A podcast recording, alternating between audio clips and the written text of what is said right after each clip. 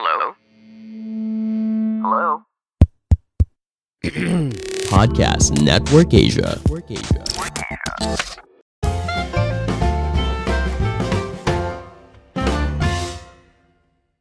Halo semuanya, kembali lagi bersama saya Madianto. Kali ini kita akan membahas tentang tips mencapai kebebasan finansial yang lain. Keuangan tentu merupakan salah satu aspek terpenting dalam kehidupan. Saking pentingnya, bahkan terkadang ada anggapan bahwa keuangan yang baik akan menghasilkan kehidupan yang baik pula. Hal tersebut tidak bisa dipungkiri sepenuhnya, karena melihat dari kondisi sekarang ini, hampir segala aspek kehidupan membutuhkan uang agar bisa dipenuhi. Karena itu, orang berebut untuk mendapatkan pekerjaan yang baik agar mampu memenuhi kebutuhannya secara finansial. Di sisi lain, pada akhirnya setiap orang pasti berharap agar bisa bebas secara finansial atau memiliki financial freedom. Apa itu financial freedom? Financial freedom adalah kondisi di mana seseorang bisa bebas secara finansial. Dalam artian, keadaan di mana seseorang memiliki kekayaan yang mencukupi segala kebutuhannya untuk hidup tanpa harus bekerja sangat keras dan aktif untuk memenuhi kebutuhan yang sangat dasar seperti makan ataupun membeli pakaian.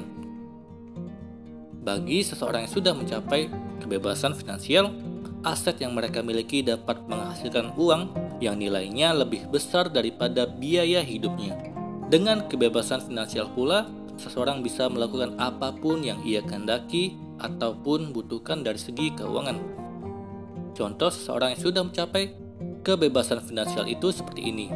Kalau total pengeluarannya dalam sebulan menembus angka 5 juta, sedangkan ia mampu menghasilkan 17 juta dari asetnya seperti bisnis atau investasi dan mendapatkan penghasilan dari gajinya sebesar 7 juta, maka total pendapatannya dalam sebulan adalah 24 juta.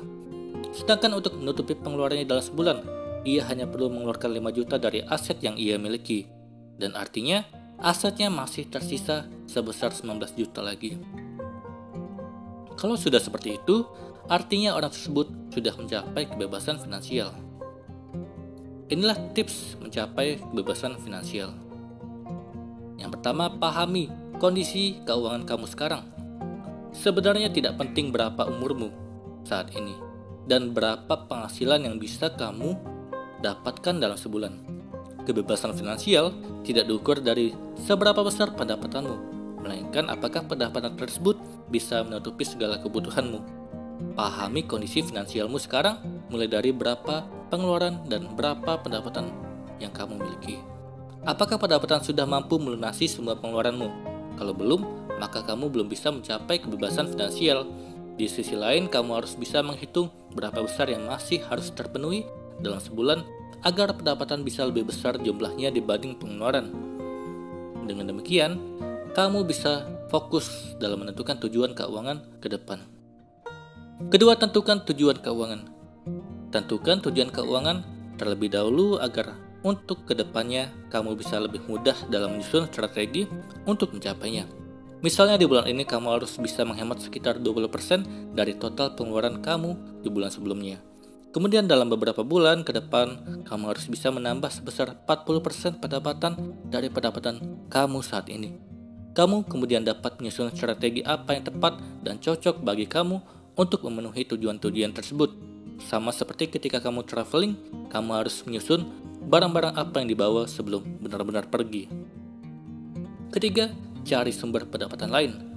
Menciptakan aset yang mampu menghasilkan pendapatan tentu menjadi salah satu langkah penting untuk mencapai kebebasan finansial. Setelah kamu menciptakan aset tersebut, biarlah pendapatan dari aset itu yang menutup segala pengeluaran atau kebutuhanmu. Keempat, investasi. Uang yang kamu miliki saat ini tidak akan pernah sama lagi nilainya pada lima tahun ke depan. Hal itu terjadi karena adanya inflasi. Kalau kamu menyimpan uang di bank, nilainya akan terus tergerus, entah itu karena potongan pajak, biaya administrasi, hingga inflasi. Namun kalau kamu menginvestasikan uangmu, uang tersebut seiring waktu akan terus bertambah nilainya. Oleh karena itu, jangan pernah membiarkan uang kamu diam dalam tabungan. Pilihlah instrumen investasi yang cocok dan tepat bagimu, seperti investasi emas, saham, properti, hingga investasi online peer-to-peer lending. Setiap instrumen tentunya memiliki resiko. Oleh karena itu, pelajarilah cara kerja dan risiko masing-masing instrumen investasi sebelum memulai. Kelima, lunasi segala hutang. Kalau kamu memiliki tagihan ataupun hutang yang masih berjalan, upayakan untuk melunasinya kapan pun kamu memiliki uang yang cukup nominalnya. Pendapatan dari aset yang kamu miliki saat ini paling tidak harus bisa menutupi segala utang yang masih ada, sehingga kebebasan finansial bisa terwujud. Itulah tadi tips mencapai kebebasan finansial. Kali ini kita akan membahas tentang mencapai kebebasan finansial dengan empat cara ini. Keuangan adalah salah satu isu yang sering kali menjadi latar belakang dari isu kriminal hingga kesehatan mental. Keuangan tidak bisa kita abaikan begitu saja. Perlu kita kelola sesuai kemampuan dan kebutuhan. Karena kalau kita diam begitu saja, maka akan lebih banyak lagi masalah yang akan datang. Tapi dalam mengelola keuangan pun juga perlu keterampilan. Kalau tidak, kita bisa terbawa bias diri sendiri. Berikut ada empat checklist finansial yang mungkin bisa membantu kamu dalam mengelola keuangan. Pengelolaan keuangan erat kaitannya dengan tujuan finansial. Pengelolaan keuangan dilakukan agar bisa mencapai tujuan finansial. Tentunya setiap orang memiliki tujuan finansial yang berbeda-beda.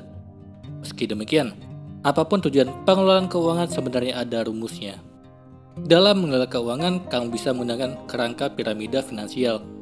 Dinamakan piramida karena dalam konsep ini yang perlu dilakukan, tahapannya seperti piramida yang semakin mengerucut.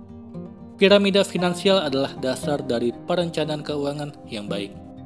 Checklist pertama yaitu wealth creation. Wealth creation adalah hal paling dasar dalam membangun fondasi pengelolaan keuangan.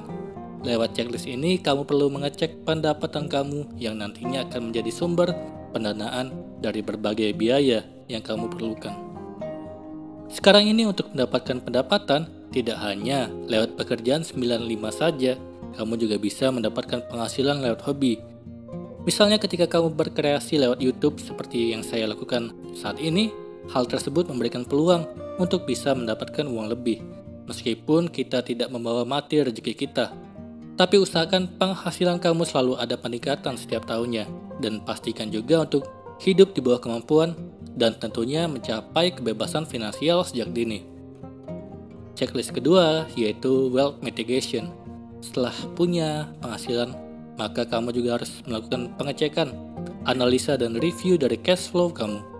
Hal ini terdiri dari biaya utang atau cicilan yang kamu miliki, biaya kebutuhan dan gaya hidup, dan pada checklist ini, jangan lupa untuk mengalokasikannya untuk dana darurat, persiapan dana pensiun, sekaligus kebutuhan proteksi.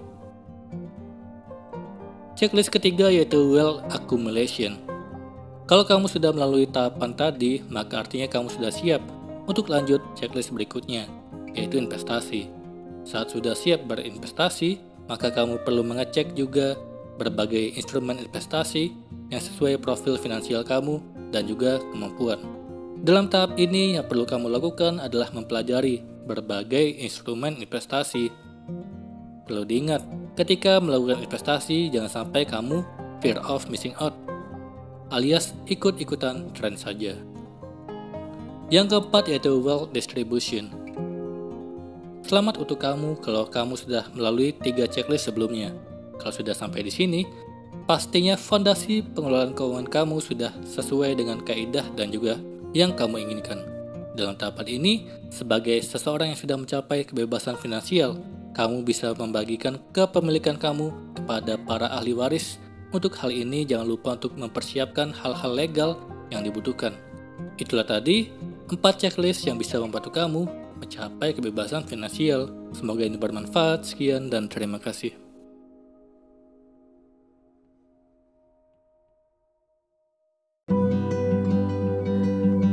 Pandangan dan opini yang disampaikan oleh kreator podcast, host, dan tamu tidak mencerminkan kebijakan resmi dan bagian dari podcast Network Asia. Setiap konten yang disampaikan mereka di dalam podcast adalah opini mereka sendiri dan tidak bermaksud untuk merugikan agama, grup etnik, perkumpulan, organisasi, perusahaan, perorangan, atau siapa pun dan apa pun.